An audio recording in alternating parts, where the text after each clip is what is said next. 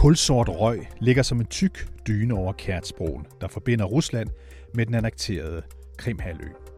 Under røgtæppet gemmer der sig et tog, som blev fanget i det en eksplosion fik vejbanen under det til at kollapse. Stikflammer står op fra adskillige togvogne. Ifølge russerne er det en eksplosion fra en lastbil, som har forårsaget de her voldsomme ødelæggelser. Здесь, э, как вы только что доложили, сомнений нет. Это теракт, направленный на разрушение критически важной гражданской инфраструктуры Российской Федерации. Der er ingen tvivl om, at det her var en terroraktion, lyder det fra Vladimir Putin, der heller ikke er i tvivl om, at det må være ukrainerne, der står bag. I dagens udgave af Konfliktzonen skal du møde en af Putins største kritikere. En russisk oppositionspolitiker, som påstår, at han har forbindelser til angrebet på Kærtsbroen den 8. oktober. Og han er, ifølge ham selv, desuden repræsentant for en russisk modstandsgruppe, der angiveligt stod bag attentatet på Daria Dugina i Moskva. Datteren af Alexander Dugin, der er blevet kaldt Putins hjerne og Putins Rasputin. Mit navn er David Træs. Velkommen til konfliktzonen.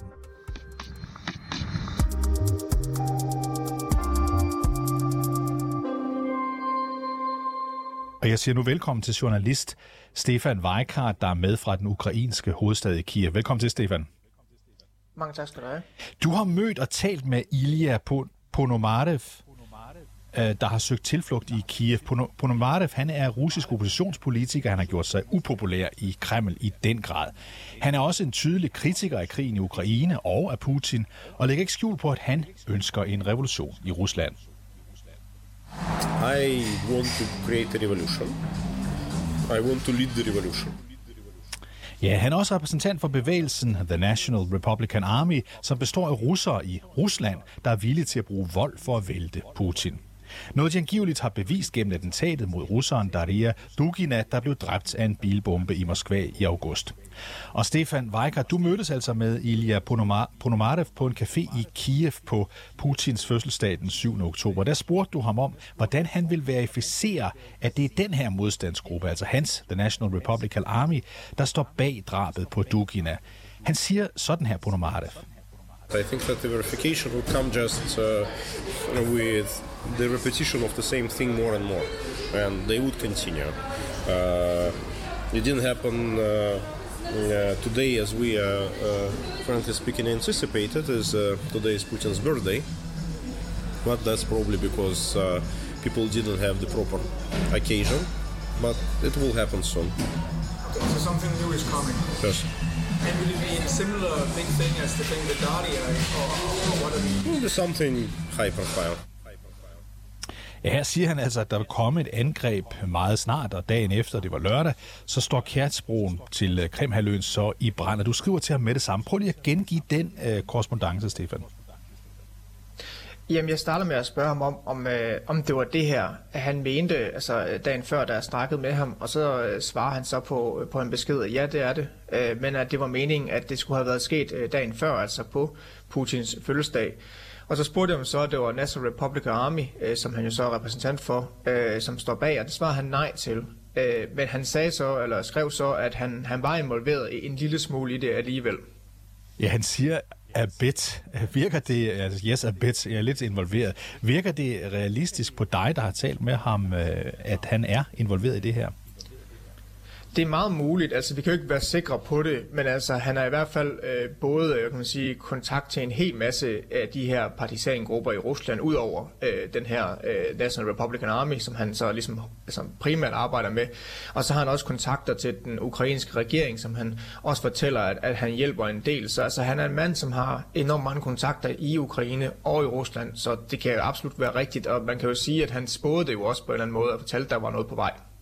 Det gjorde han i hvert fald. Vi skal lige prøve at dykke lidt, ned, lidt mere ned i, hvem uh, Ilya Ponomarev han egentlig er, hans forbindelser osv. Kan du ikke starte med, Stefan, og fortælle os, hvorfor er han overhovedet i Kiev, den ukrainske hovedstad? Jamen det gør han, fordi at han, øh, han i sin tid, øh, da han stadig var politiker i uh, Rusland, øh, stemte imod øh, annekteringen af Krimhaløen. Øh, um, øh, som jo fandt sted for flere år tilbage. Øh, og det, det gjorde ham jo absolut upopulær i Rusland, fordi der var jo ikke tolerance for at, øh, at gå imod Putins linje. Og det gjorde, at han, øh, han flygtede i eksil øh, til Ukraine, hvor han siden øh, faktisk er blevet ukrainsk statsborger og har befundet sig siden. Øh, ja. Og så har han øh, en relation til den her bevæbnede, væbnede øh, russiske modstandsbevægelse, som, vi, som du kalder National Republican Army. Lad os lige prøve at høre, hvordan han beskriver sin, sin rolle til den selv. Look, we're in good relations. Uh, quite close. They asking me for my advice. I'm giving this advice. They ask me uh, to help them technically. I am providing certain assistance in, in, in this regards. And I can speak on their behalf. That's the nature of the relationship. Ja, Stefan Weikert, som jeg sagde i starten, så er, er det her ifølge øh, Ilya Ponomata, som du har talt med, den gruppe, der stod bag attentatet på Daria Dugina i Moskva. Men prøv lige at sætte nogle flere ord på, hvad det er for en gruppe, og hvad det egentlig er, de går og laver. Jamen altså, det han fortæller her, det er jo, at det er, det er en gruppe, som, øh, som består af, altså det er en meget decentral gruppe, altså det er ikke sådan, at alle medlemmerne kender hinanden. Altså det er en ret, ret mange folk, og det er, alle sammen, det er en blanding af folk, som egentlig bare gerne, måske tidligere har været aktivister, og gerne vil være ude mod, øh, kæmpe mod, øh, for at ændre Rusland, og så er der også nogen, der har militær erfaring om forskellige ting. Men det er alle sammen nogen, som har det her mål om at gerne vil have Putin fjernet, og det de laver blandt andet, det er altså udover det her attentat, som, han, som altså var, ligesom var det mest, øh, tidligere har været det mest øh, man sige, kendte, i, i, at de har stået bag, i hvert fald siger, de står bag, jamen så er det også noget med jernbanesabotage, og det er sådan andre attentater ind i Rusland, som de planlægger. De har sådan en, øh, en, gram, en telegramgruppe, altså en social øh, mediegruppe, hvor de øh, blandt andet lægger op de ting, som de, som de går og laver. Og Ilya Ponomarev, han vurderer selv, at der er sådan en 500-1000 mand i øh, modstandsbevægelsen. I think that there's those people who are uh, doing um, uh, things like with Dugin's family. Um, they have to be uh, more professional and uh, uh, more experienced uh, with explosives, arms, you know, whatever. but over overwhelming majority is it's just people, uh, youngsters, you know, activists, uh, you know, students. Uh, um, so it's just, uh, you know, people who are like regular activists. Ja, når vi hører klippet, så kan vi høre i baggrunden, at der er folk, der har, der har det sjovt. Det er fordi, du mødes med ham på en café i Kiev, skal jeg måske lige sige her. Hvordan og hvornår kom uh, Ilya Ponomarev selv ind i den her gruppe? Jamen det er rigtigt, bare lige for at sige, det er rigtigt at møde ham på en café, fordi når man møder en mand som ham, så er det jo ham, der bestemmer øh, tid og sted, så må man ligesom indrette sig efter det, øh, fordi han jo også øh, har mulighed for, at der bliver lavet attentat imod ham selv, så det er ligesom ham, der vælger. Men altså, han, han, kom, han blev en del af der talsmand for den her gruppe i, i starten her, efter den her russiske invasion af Ukraine, og han, det er sådan lidt, hvordan han kom ind i lidt specielt, for det er jo meget decentral gruppe, men de havde ligesom brug for en, som, som talte på deres vegne, et kendt ansigt, og så tog de ligesom kontakt til ham, og på samme måde har Ponamarov jo også haft interesse i at, og ligesom at tage del i det her arbejde for at vælte Putin, så han har også haft en interesse for at repræsentere dem og guide dem i deres arbejde. Og han får ifølge ham selv øh, besked få timer inden, at de laver de her store angreb. Siger han noget om, øh, hvorvidt øh, Putin er et mål? Øh, ja, altså det gør han. Altså han ser jo sådan set Putin som det øh, yderste mål, altså det, det vigtigste øh, mål, øh, fordi det ligesom er Putin, der sidder på magten. Men, men, altså det, men det er selvfølgelig også noget, der, som han siger, er ret svært. Han, øh, han hvad hedder han, øh, Ilya Ponomarev, han er selv øh, meget ærlig om, at, at Putin ikke er et mål, de er i stand til at ramme selv. Øh, prøv at høre, hvad han siger her. Obviously, we would love to do this. But I don't think that that may happen. We have uh, um, certain intel which we are collecting in Russia, just through friends, connections, whatever, and that's what we try to pass to already security forces, which can do it professionally. We, we cannot do it professionally to that to that degree.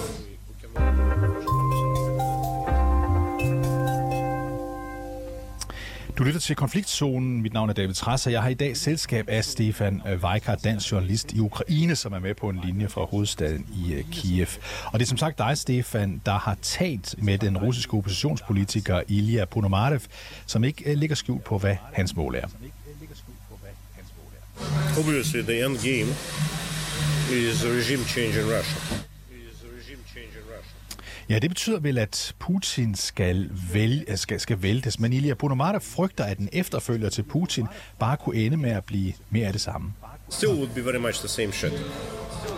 And uh, it would be, in a sense, worse, because if, say, Kirienko comes, I believe that many of the Western countries, especially Germans and French, they would start to say, ah, Kirienko was Uh, pupil of uh, Boris Nemtsov. He is actually a liberal at heart. He needed to preserve himself in this system. But, you know, we should start talking to him. And in this situation, what? You would actually preserve the system. There would be uh, new faces, not so new, you know, maybe yes, some of the most odious people would leave, but uh, 99% uh, of the elements of the system would be preserved. Ja, Stefan Weikert, prøv lige at forklare, hvad det er, han øh, mener her. Jamen han mener, der ligesom er øh, to muligheder, hvis man bare fjerner Putin. Altså, altså det ene det er, som han snakker om her i klippet, det er, at der kan ligesom de værste af kan man sige, Putins folk, altså dem, der sådan fortsætter øh, Putins linje, måske også bliver fjernet med det samme, og så kommer der nogle, nogle andre russiske kendte politikere til, som egentlig bare fortsætter det her, øh, altså fortsætter lidt det samme Rusland, altså et anti, måske ikke særlig demokratisk Rusland, for eksempel, altså et Rusland, der ikke, øh, der ikke tolererer, at, øh, hvad man siger, øh, at man siger det, man gerne vil på gaden, øh, ytringsfrihed og sådan nogle ting, og, og, og så bliver det bare mere af det samme. Øh, og så siger han, så er der jo også en risiko for, at øh, hvis Putin bliver fjernet, at det bare bliver en af hans øh, endnu mere, hvad kan man sige, hårde kerne, som tager over, og så bliver det faktisk endnu værre. Og derfor mener han jo, at det her øh, fokus på at fjerne Putin, det er ligesom det er for snæversynet. Altså det er ligesom ikke nok. Der skal mere til, hvis det er sådan, at Rusland rent faktisk kan fjerne, eller skal ændre sig. Lad os lige tage et klip, her, øh, et klip mere øh, fra interviewet, du har lavet med ham, hvor han altså siger, at der skal vold til. It can be done only violently. There's no other way. There's no other way. They would uh, they would fight for their position. Og hvilken rolle, Stefan, ser han, at han selv og grupper som uh, The National Republican Army vil have uh, i den her voldelige del? Jamen, de har ligesom en, en første rolle nu, og det er selvfølgelig øh, til dels at, at sabotere øh, Ruslands mulighed for at føre krig i Ukraine. Det er sådan, sådan noget med at springe jernbaner og sådan nogle ting, og måske, øh, øh, måske lave attentater mod nogle af de vigtige folk i Rusland. Det er den ene del.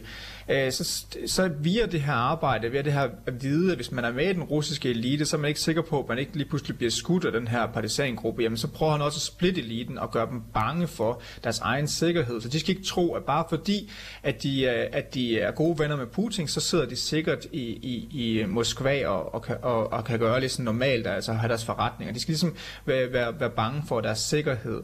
Og så den sidste ting, det er, når, øh, som, som Panamarov her fortæller om, altså også interviewet, at, at øh, tiden for, for revolutionen i Rusland kommer, som man siger, så skal den her gruppe også være med til at støtte op om øh, måske folk, der går på gaden øh, på en voldelig måde, altså, altså ligesom øh, være klar til at indtage regeringsbygninger og, og sådan noget, når den tid kommer. Så Ponomarevs rolle, øh, Stefan, det er meget her også at sikre, at, at de mange hundrede folk, der sådan er på en eller anden måde i omegnen af, af Putin, de bliver bange. Ja, det er det. Det er det, det, at der skal være en frygt ved dem, at de ikke skal tro, at bare fordi de er gode venner med Putin, at så er alting godt. Fordi i dag i Rusland, som man siger, der er den største frygt, hvis du sidder i eliten, det er jo, at du kommer i Putins unåde, og så at han fjerner dig. Det skal ligesom ændres sådan, at du ikke kun skal være bange for Putin, men du skal også være bange for, for oppositionen. Lad os lige høre et klip, du også har sendt til os, hvor Ponomare præcis taler om det med eliten. Right now they're just sitting tight. They don't like what's happening uh, at the fields of war, but they're doing nothing because there is no danger for them. If they do something against Putin, it's dangerous.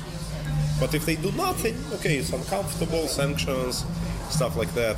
But you better do nothing because at least it's a, it's a relatively safe strategy. If this is no longer a safe strategy, then you should make choice. And you can be with Putin or you can be against Putin. And that would be obviously a certain part of the elites which would be against Putin. And that's an important prerequisite for the revolution. Så lige nu, Stefan, er det altså farligt at være imod Putin, siger han, men det skal også være farligt at være med Putin, så, så, så eliten skal tvinges til at tage et, et valg. Hvad sker der ifølge Ponomarev, eller hvad skal der til for, ifølge Ponomarev, for at et flertal i eliten vælger at gå øh, imod Putin? Der skal laves den her frygt, han snakker om, at nu, nu skal de simpelthen være bange for, øh, at øh, hvis de støtter Putin, eller ikke gør noget aktivt imod Putin, at hvad der så kommer til at ske for deres eget liv. Det er den del, han snakker om før, det er den første del. Derudover så mener han, at så skal Vesten også hjælpe øh, med at give en udvej, altså ligesom en form for gulderod og sige til de her, at, at hvis nu at Rusland ændrer sig, hvis nu at eliten ændrer, øh, fjerner Putin og forlader et mere demokratisk Rusland, så kan det også være mulighed for at få fjernet øh, sanktionerne, øh, og der kan, de kan få gang i deres forretninger igen og sådan noget. Så skal også være den her gulderod. Øhm, og så siger han, så skal der selvfølgelig også på et tidspunkt øh, komme en folkelig bevægelse i Rusland. Altså så skal komme, øh, ligesom man så i Hvide Rusland for eksempel, altså 100.000 viser folk på gaden. Og i, det, og i det, når det kommer, så skal eliten så også være med til at støtte det. Og i dag, Stefan, ved vi jo, at øh, de sanktioner, som Vesten, EU og USA har lavet øh, mod Rusland, det ikke bare rammer Putin, men også den her øh, e-, elite. Hvad er det, han siger, at når han siger, at de skal have en udvej, altså eliten skal have en udvej, er det, at de skal have lov til at åbne deres forretninger igen, for eksempel? De skal have lov til at åbne Øh, ja, at de skal ligesom tro på, at, at de problemer, som de lige nu har, altså øh, simpelthen ikke kan rejse øh, rundt frit i verden, som de gerne vil, at de får deres egen dele, såsom deres jagter, altså deres både og sådan noget, øh, beslaglagt rundt omkring, deres, ind, deres værdier indenfrosset og alle de her ting øh, at de ikke kan eksportere deres varer, fordi eliten selvfølgelig sidder på en stor del af den russiske økonomi og sådan nogle ting. Altså at de, der skal ligesom være lovning på, at på et tidspunkt, hvis det er sådan, at I gør de gode ting, altså i vestens syn, jamen så, øh, så skal de ting også blive fjernet, så skal ligesom være den her gulderod for dem til at fjerne Putin. Og så talte du også om folket, altså det med, at der skal mange folk øh, på gaden, og der er en sikkerhed omkring det, øh, ifølge Ilya Ponomarov. Det er der ikke nogen, der kan garantere lige nu. Det ser han øh, også som et problem. That restricts many people from doing things. Uh, because for them it's in this situation it's safer to go back to Putin and say uh, dear father uh, uh, uh, these foreigners they abuse us and we understand that only you can give us the protection we need.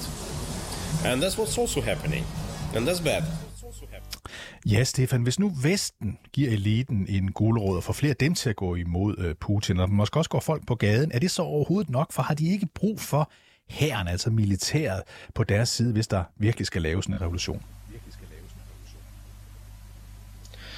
Øh, jo, altså jo, det kan man godt sige, at de har, de har brug for, for herren øh, for at lave en revolution, altså et eller andet form for, for støtte i det. Øh, men det, som han fortæller Panorav, det er, at det, det arbejde er jo sådan set allerede i gang til dels. Altså han, han, han påpeger også, at her i, i Ukraine lige nu, der er jo rigtig mange frivillige, der kæmper ude ved fronten, og en del af dem er faktisk russere, altså der kæmper på Ukraines side af krigen, og, og får på den måde både militær erfaring og adgang til våben og sådan ting. Og det siger han, det er selvfølgelig vigtigt for øh, at støtte øh, Øh, Ukraine, men der er lige så meget...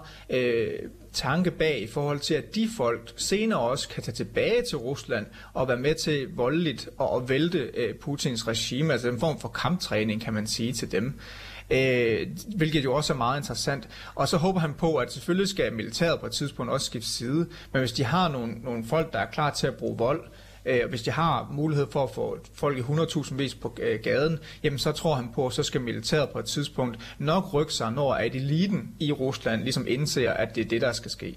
Og Stefan, nu sad du der og talte med Ilya Punomarev øh, i lang tid på caféen i, øh, i, i Kiev. Kan du ikke fortælle os lidt om, hvad er det for et Rusland og et russisk styre, som han egentlig drømmer om i fremtiden? Ja, men han drømmer om et, et Rusland, som bliver øh, demokratisk i første omgang. Altså han mener jo, at når den her revolution, som han regner med kommer, øh, den så kommer, øh, så skal der være en overgangsregering, ikke? hvor han jo meget gerne selv kunne være en af lederne. Men så mener han, når den overgangsregering er over, og der kommer mere styr på, på linjerne i Rusland, jamen så skal der være et mere demokratisk Rusland. Derfor siger han også selv, at, at hvis jeg bliver en del af en overgangsregering, så stiller jeg ikke op til et valg bagefter. Det synes han ikke, at, at de her, der er en del af overgangsregeringen skal. Altså så skal der noget nyt på bordet.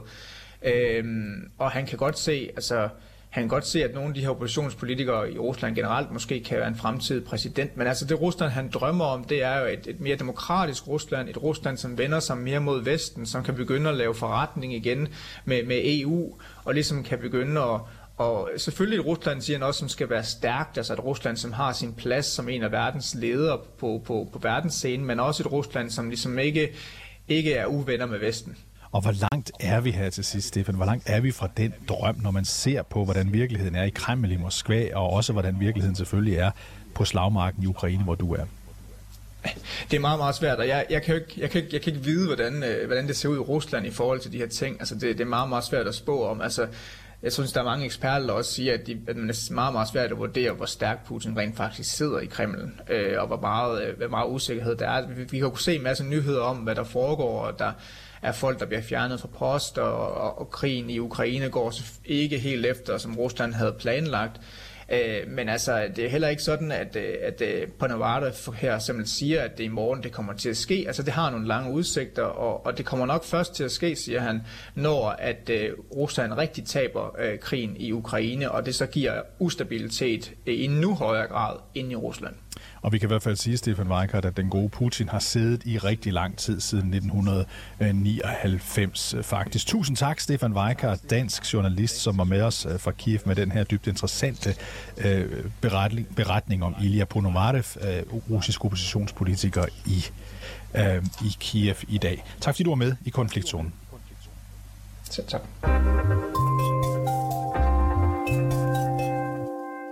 Ja, du har lyttet til dagens afsnit af Konfliktzonen 24-7's øh, udlandsmagasin. Mit navn det er David Træs. Holdet bag programmet det er journalist Sofie Ørts og redaktør øh, Christina Randa. Og som sagt var dagens tema i dag et emne, vi ofte vender tilbage til, nemlig den krig, der finder sted øh, midt i vores kontinent, den russiske invasion af Ukraine i dag med fokus på russiske oppositionspolitikere, der befinder sig i Kiev. Du kan lytte til vores program direkte, det kan du hver mandag til torsdag fra kl. 8 til 8.30, og du kan selvfølgelig også høre programmet som podcast.